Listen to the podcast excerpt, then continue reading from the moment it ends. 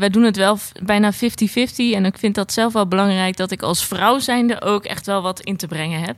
Ehm, ja, ik ben wat dat betreft toch een beetje geëmancipeerd. Ik wil wel eh, bij kunnen dragen en eh, eigenlijk net zo goed als, eh, als mijn vriend. Welkom bij Zorg en Zo. Zorg en Zo. De podcast. Podcast. Voor en door zorgmedewerkers.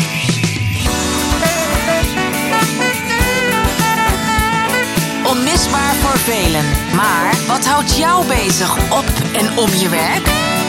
Marijke, Stephanie, Debbie en Esther. Aan tafel bij Zorg en Zo.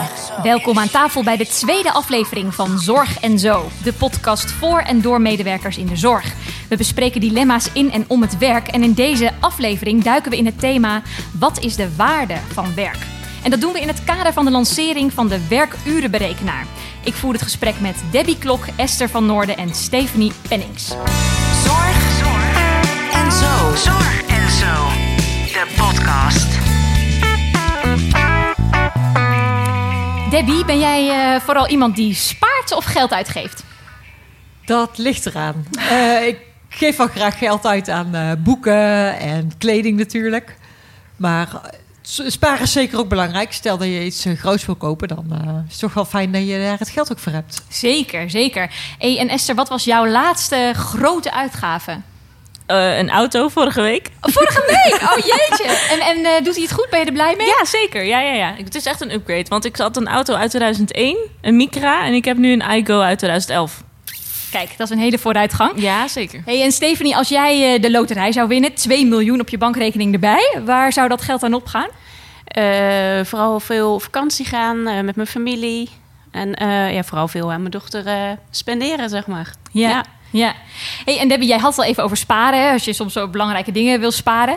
Liever eh, een eigen spaarrekening of alles op één hoop op de gezamenlijke rekening? Wij hebben alles gewoon op de gezamenlijke rekening. Eén grote Ja. hoop. En hebben jullie daar bepaalde regels over? Want als je Nee helemaal niet. Oké, Als ik iets wil hebben, zegt mijn man van, nou, koop het maar.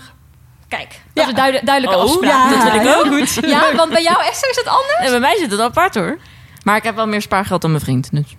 Oké, en dan is het fijn om, om dat een beetje gescheiden te houden. Ja, jawel. Ik wil, ja, ik wil gewoon mijn eigen dingen kunnen kopen en hij ook. Dus we hebben het gewoon apart. Maar het is wel zo, we zijn natuurlijk bezig met dat huis. Dat zei ik vorige week al. Eh, dus daarvoor hebben we wel een soort van potje. Dus dat zit wel apart. Ja, ja. Ja. ja, dat is voor straks. Ja, Ja. precies. Ja. Hey, en eh, Esther, trakteren of een tikkie sturen? Trakteren. Even nadenken. Ja, ja, het hangt er een beetje vanaf wat. Als we, als we vet luxe uit eten gaan, dan eh, Is het toch splitten? wordt het toch splitten, denk ik. Ja. Ja, ja. En Stephanie, de financiën op papier of digitaal bijhouden? Eh, digitaal. Digitaal. Al Ja. lang of is dat op een gegeven moment een switch geweest? Nou, er is uiteindelijk een switch geweest. Zeker omdat mijn man een eh, financiële meevaller heeft gehad. En die is nu sinds de corona, die houdt een heel Excel-bestand bij. Nou, dat deed hij nooit. Maar, Maar dat is ja. wel heel veel werk, toch? Ja, dat is best wel veel werk. Dan Ja. zet je elke kleine uitgave zet je daar ook bij. Ja, ja. En dan, eh, wij hebben inderdaad ook de gezamenlijke, of tenminste een gezamenlijke rekening, maar ook een rekening apart. Zeg maar, de gezamenlijke rekening, die, eh, ja, daar doet hij elke keer eh, bijhouden wat er afgaat, wat erbij komt, eh, wat we overhouden. En eh, ja, zou ik zelf ook moeten doen. Maar Jeetje, wel een werk. ja, maar hij En- Maar het is fijn, om het, want jij zegt veel werk, maar je hebt wel overzicht. Dat ja, is dan dat is wel. Ja, Ja, ja, ja. dat is wel, eh, ja. Soms zegt hij dan wel van, oh, wat ben je toch veel naar de winkel geweest, weet je wel? Oh, Echt ja, wel, ja, dat ah, alweer een nieuw parfum. Zorg Zorg en Zo. de podcast. In de vorige aflevering hebben we het gehad over zorgen voor jezelf. Wat is dat? In deze aflevering praten we nu juist over dat thema door, financiën en beloning. En dat doen we omdat we de werkurenberekenaar op 31 maart gelanceerd is.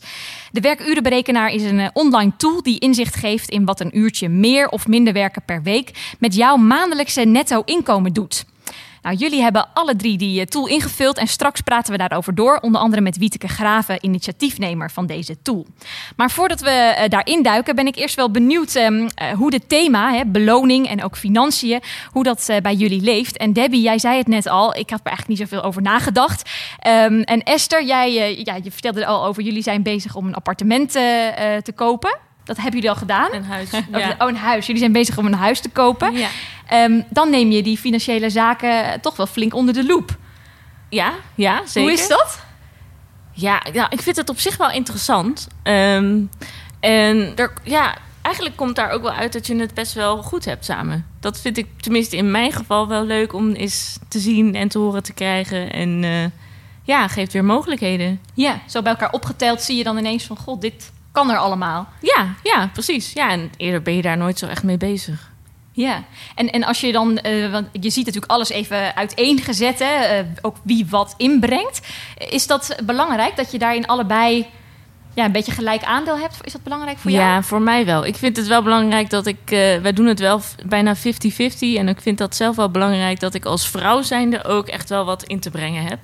Ehm, ja, ik ben wat dat betreft toch een beetje geëmancipeerd. Ik wil wel eh, bij kunnen dragen en eh, eigenlijk net zo goed als, eh, als mijn vriend. Ja, ja want Ja. wat maakt dat belangrijk voor jou? Ja, ik weet niet. Ik, ik ben wel opgevoed met de opvoeding van... joh Esther, je moet goed voor jezelf kunnen zorgen. Stel nou dat er toch iemand wegvalt. Mijn moeder is ook vroeg overleden toen ik jong was. Dan, dan moet je ook voor jezelf kunnen zorgen. En ook op financieel gebied. Ja, Dus wat dat betreft heb ik dat heel erg meegekregen in mijn opvoeding. Ja, dat wordt dan ook meteen heel zichtbaar als je eh, in zo'n situatie... eh ja Komt. zeker. Ja. Hey Stephanie, hebben jullie eh, vroeger bij jou thuis, werd er veel over geld gepraat? Was dat ook zo'n onderwerp van gesprek? Nou, wel in ieder geval wat ik meegekregen heb, zeg maar. eh, ja, dat eigenlijk inderdaad bijvoorbeeld zo de Excel-bestand. Dat mijn moeder dat ook deed en eigenlijk ook wel meegaf. Dat heb ik uiteindelijk dan niet mee opgepikt. Ja. Maar ehm, ja, dat je wel inderdaad ook moest werken voor je geld. En je bijbaantjes en dat je het niet zomaar kreeg. Ja. Ja. En wa- wat is voor jou belangrijk om ook aan jouw dochter weer mee te geven daarover? Eigenlijk ook hetzelfde. Ze, we- ja, ze is eh, als enigst kind, zeg maar. En eh, ze zegt soms wel van ja, ik ben toch wel blij dat ik geen broertje zusje heb, want dan krijg ik alles. Oh ja, Ja, maar dat eh geven we wel mee dat, eh, dat ze zelf ook voor de, eh, ja, voor de leuke dingen moet sparen. Dat Ja. komt je niet zomaar Dat komt niet aanwaaien. aanwaaien. Ik denk dat het Nee, ook wel belangrijk is om te leren, om mee te geven, om de waarde van het geld mee te geven. klopt. Ja. Hoe was dat bij jou thuis? Eh, mijn vader die werkte en die eh, werkte ook heel vaak eh over s'avonds en in het weekend. En mijn moeder was thuis, dus dat vond ik zelf wel heel fijn. Want als wij uit school kwamen, dan was mijn moeder er altijd. En ze is op een gegeven moment wel weer gaan werken toen wij ietsjes ouder werden. Maar dat, ze vond het gewoon niet prettig dat ze niet thuis was als wij thuis kwamen. Dus ze is vrij snel weer mee gestopt. Maar ik vond het zelf wel heel fijn. Ja, er was altijd iemand die dan Ja. op je wacht. En, en als jij eh, nu, want jij zei net al even, goh, ik heb eigenlijk helemaal niet helemaal scherp eh, eh, wat er binnenkomt en uitgaat. Heb jij met jouw partner afspraken over hoe jullie de geldzaken regelen? Nee, eigenlijk helemaal niet. Ik denk dat mijn man het wel meer bijhoudt door eens wel eens op, de, op de app te kijken als dat ik het doe. En is, heeft dat een specifieke reden of is het eigenlijk gewoon zo gegroeid? Hoe, Nee, eigenlijk zo gegroeid. ja. En, en dat gaat goed. Ja, dat gaat prima. Ja, ja. Vind het wel knap dat je het los kan laten. ja? wat vind je daar knap aan?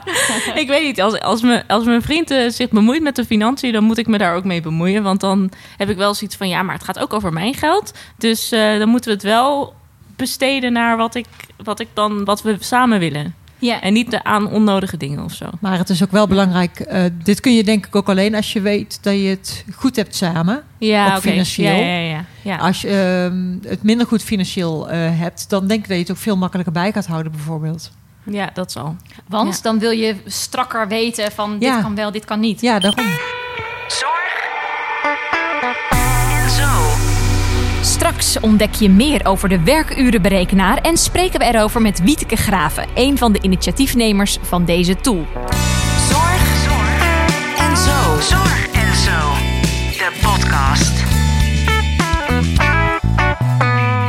Uit onderzoek blijkt dat bijna 85% van de zorgmedewerkers het belangrijk vindt om financieel onafhankelijk te zijn.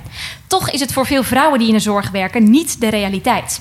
Dat komt onder andere omdat ze vaak relatief kleine contracten hebben, wat in combinatie met de salarissen in de zorg vaak tot een maandinkomen leidt dat niet genoeg is om het in je eentje te kunnen redden. Stephanie, eh, hoe belangrijk vind jij het om financieel onafhankelijk te zijn? Op zich wel eh, belangrijk. Eh, als ik nu kijk naar eh, hoe de financiële situatie is, zeg maar, we kunnen eigenlijk doen wat we willen. Maar ik denk inderdaad, als er eentje weg zou vallen of als eh, ehm, ja, eh, eentje zonder werk komt, zeg maar, dat ik dan wel meer ehm, ja, daar spanning over heb, zeg maar. Maar nu eigenlijk helemaal niet. Want als dat zou gebeuren, heb je dan, moet je dan meer gaan werken? Of Ja, dan zou ik wel meer moeten gaan werken. Zou ik het niet redden. Hoe is dat bij jullie? ik vind het wel belangrijk om eigen geld te verdienen. Maar ook omdat ik het werken leuk vind. En ik ben ook opgegroeid met het komt niet eh, aanwaaien. En eh, je moet er ook zelf van voldoen.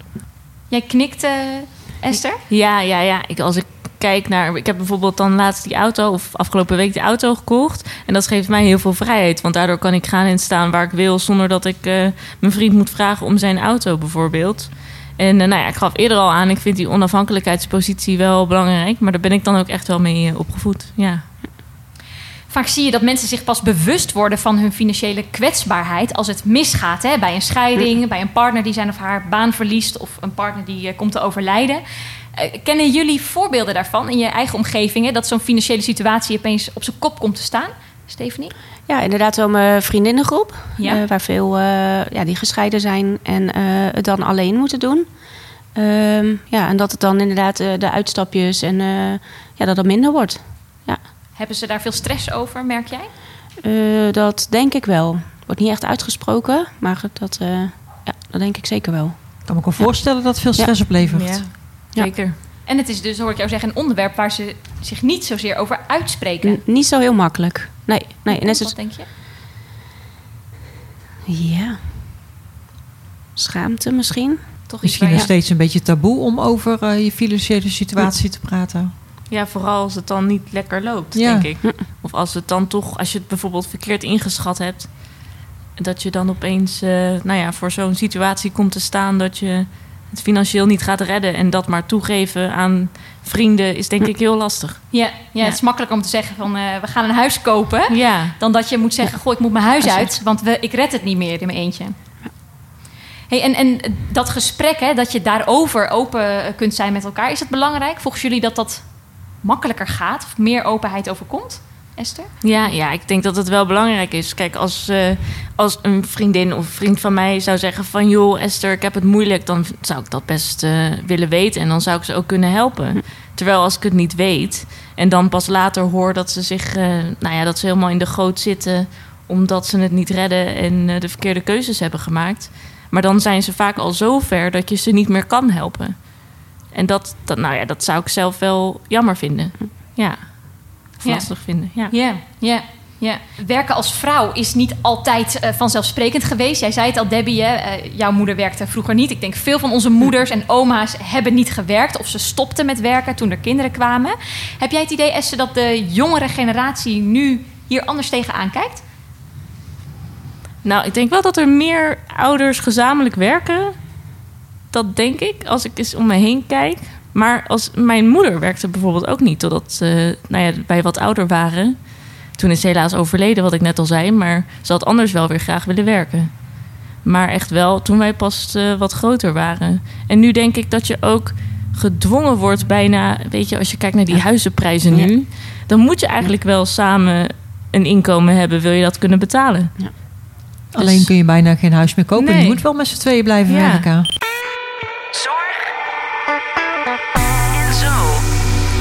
Straks heeft Stephanie een gouden tip voor je als het gaat om financiële gezondheid. Zorg en zo. De podcast. In de vorige aflevering hoorde je er al over de werkurenberekenaar. Een online tool waarmee je snel inzichtelijk krijgt wat meer of minder werken voor impact heeft op jouw netto inkomen. Jullie hebben hem alvast ingevuld, gewoon om eens te kijken welke scenario's er zijn en wat dat doet. En we praten er straks over door. Eerst gaan we kort bellen met Wieteke Graven. Zij is oprichter van stichting Het Potentieel Pakken en samen met Women Inc. en het Nibud initiatiefnemer van deze tool. Eh, Zeg Wieteke, waarom moest deze tool, de werkurenberekenaar, er wat jou betreft komen? Nou, als stichting eh, zetten wij ons in ehm, om het vrouwelijk potentieel op de Nederlandse arbeidsmarkt te benutten. En dat klinkt misschien een beetje abstract, maar wat we eigenlijk zijn gaan doen is, we zijn begonnen met contractuitbreiding in de zorgsector. En wat we daar zagen was dat dit een sector is waar je eigenlijk hele grote tekorten ziet en tegelijkertijd relatief kleine contracten. Ehm dan moet je denken aan gemiddeld 23, 24 uur. Nou, en toen dachten we, volgens mij liggen daar mogelijkheden. En eh, zijn we aan de slag gegaan met zorginstellingen en met zorgmedewerkers om uit te zoeken van, zijn die kansen er nou echt? En daar kwam dan uit van, nou, ehm, best wel veel medewerkers zijn bereid om meer te gaan werken. Alleen dan moeten bepaalde dingen wel anders en beter geregeld worden. En een van de zaken die we heel vaak terug hoorden was van ja, ik wil best meer werken, maar dan moeten we natuurlijk financieel wel wat opleveren. En eh, nou, dat leek eh, ons een heel eh, logisch argument. Alleen we zagen ook wel dat er best wel wat uitdagingen bij komen kijken op het gebied van beloning. En het eerste is bijvoorbeeld van, nou, het is natuurlijk best een onderwerp wat niet altijd ja, iets is waar mensen meteen aan denken of graag over praten. Een beetje ver van de bedshow. Ehm dus dat is het eerste. Dus je moet het eigenlijk wel bespreekbaar maken.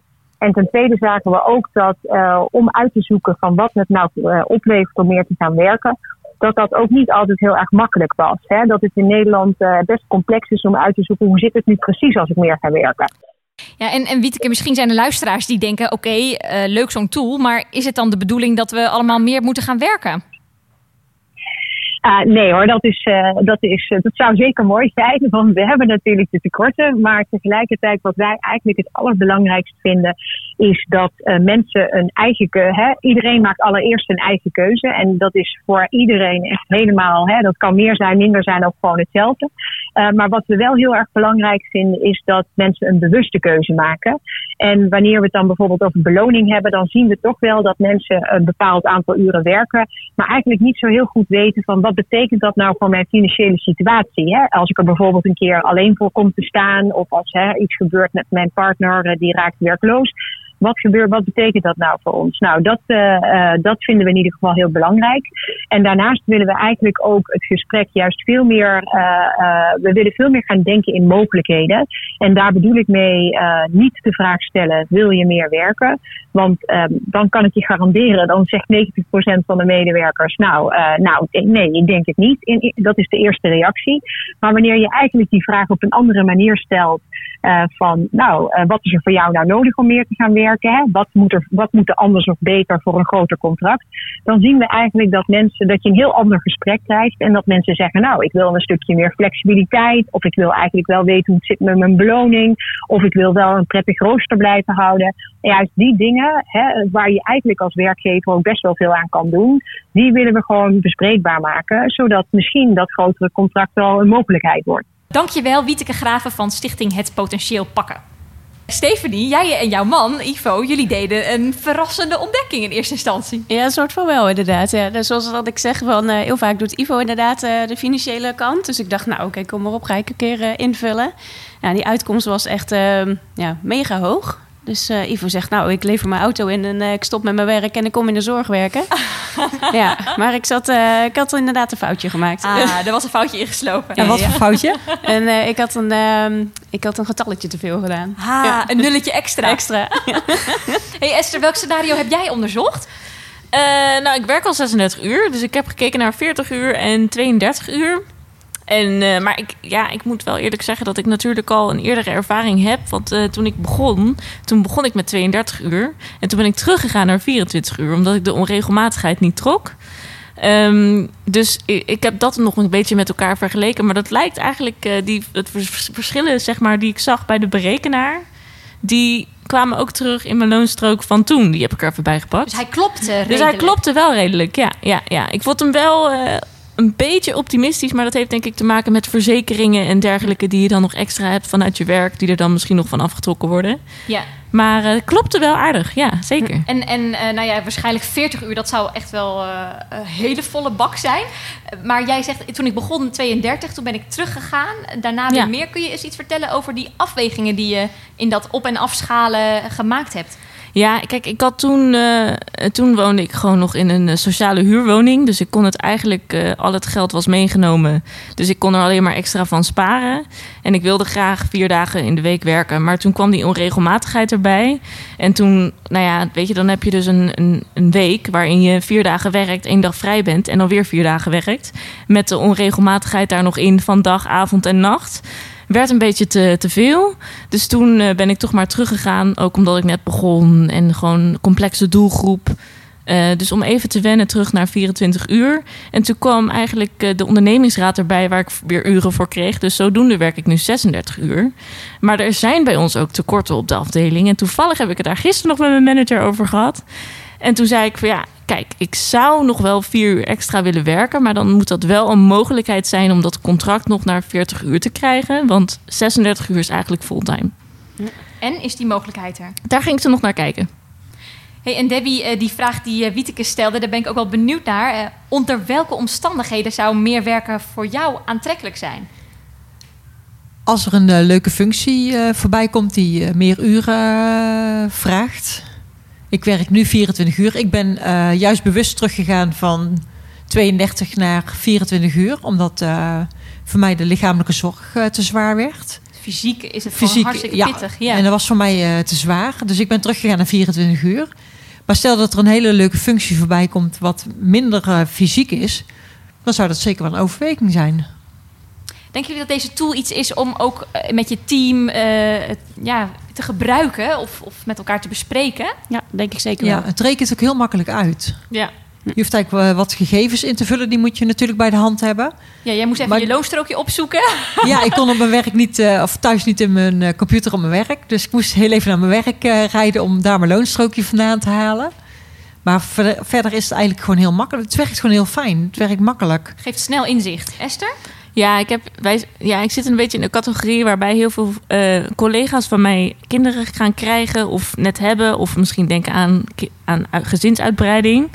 Eh, dus ik denk dat wat dat betreft het wel handig is als je het er met elkaar over kan hebben. En joh, kijk eens naar die tool. En dan kan je ook zien als je meer gaat of wil werken. Of juist minder omdat je een kind krijgt. Wat dat dan doet met je hele situatie. Ja, en ook, dat vind ik dan wel interessant aan wat Wieteke zegt. Het gaat dus ook over, eh, eh, als we met elkaar net iets meer werken... dan kan je dus ook een deel van die tekorten oplossen. Dus mogelijk kan dat ook interessant zijn om ook met het team... als je dus merkt er zijn tekorten. Misschien is er wel iemand die eigenlijk helemaal niet wist dat hij het wilde... maar extra uurtje zou willen werken.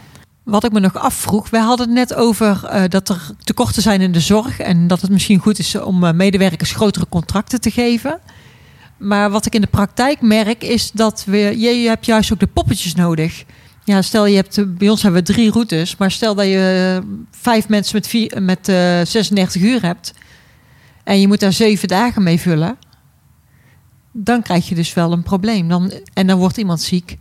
En als je bijvoorbeeld eh, zes mensen of zeven mensen met 20 uur werkt, hebt, dan ben je al veel flexibeler. Ja. Ook in het roosteren. Dus dan vraag ik me af of dat. eh, Ja, dus jij zegt die kleine eh, eh, contracten zijn ook heel handig om dan op te vullen bij die piekmomenten van mensen uit bed halen eh, of, of eten brengen s s'avonds. Nou, belangrijke constatering. We gaan het er volgende keer ook uitgebreider over hebben. Dan hebben we het over flexibiliteit en werkdruk. Hè, hoe voer je nou het gesprek eh, over een rooster dat voor iedereen werkt? Zorg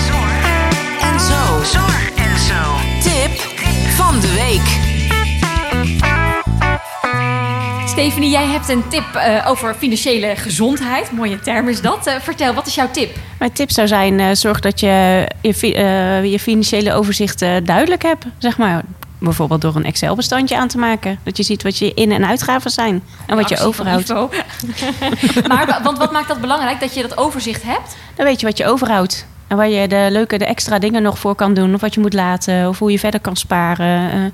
ja, het is ook altijd wel belangrijk om een goede buffer te hebben, denk ik, voor als je onverwachte grote uitgaven hebt. zeker. Ja, Ja, en vooral ook heel eerlijk zijn.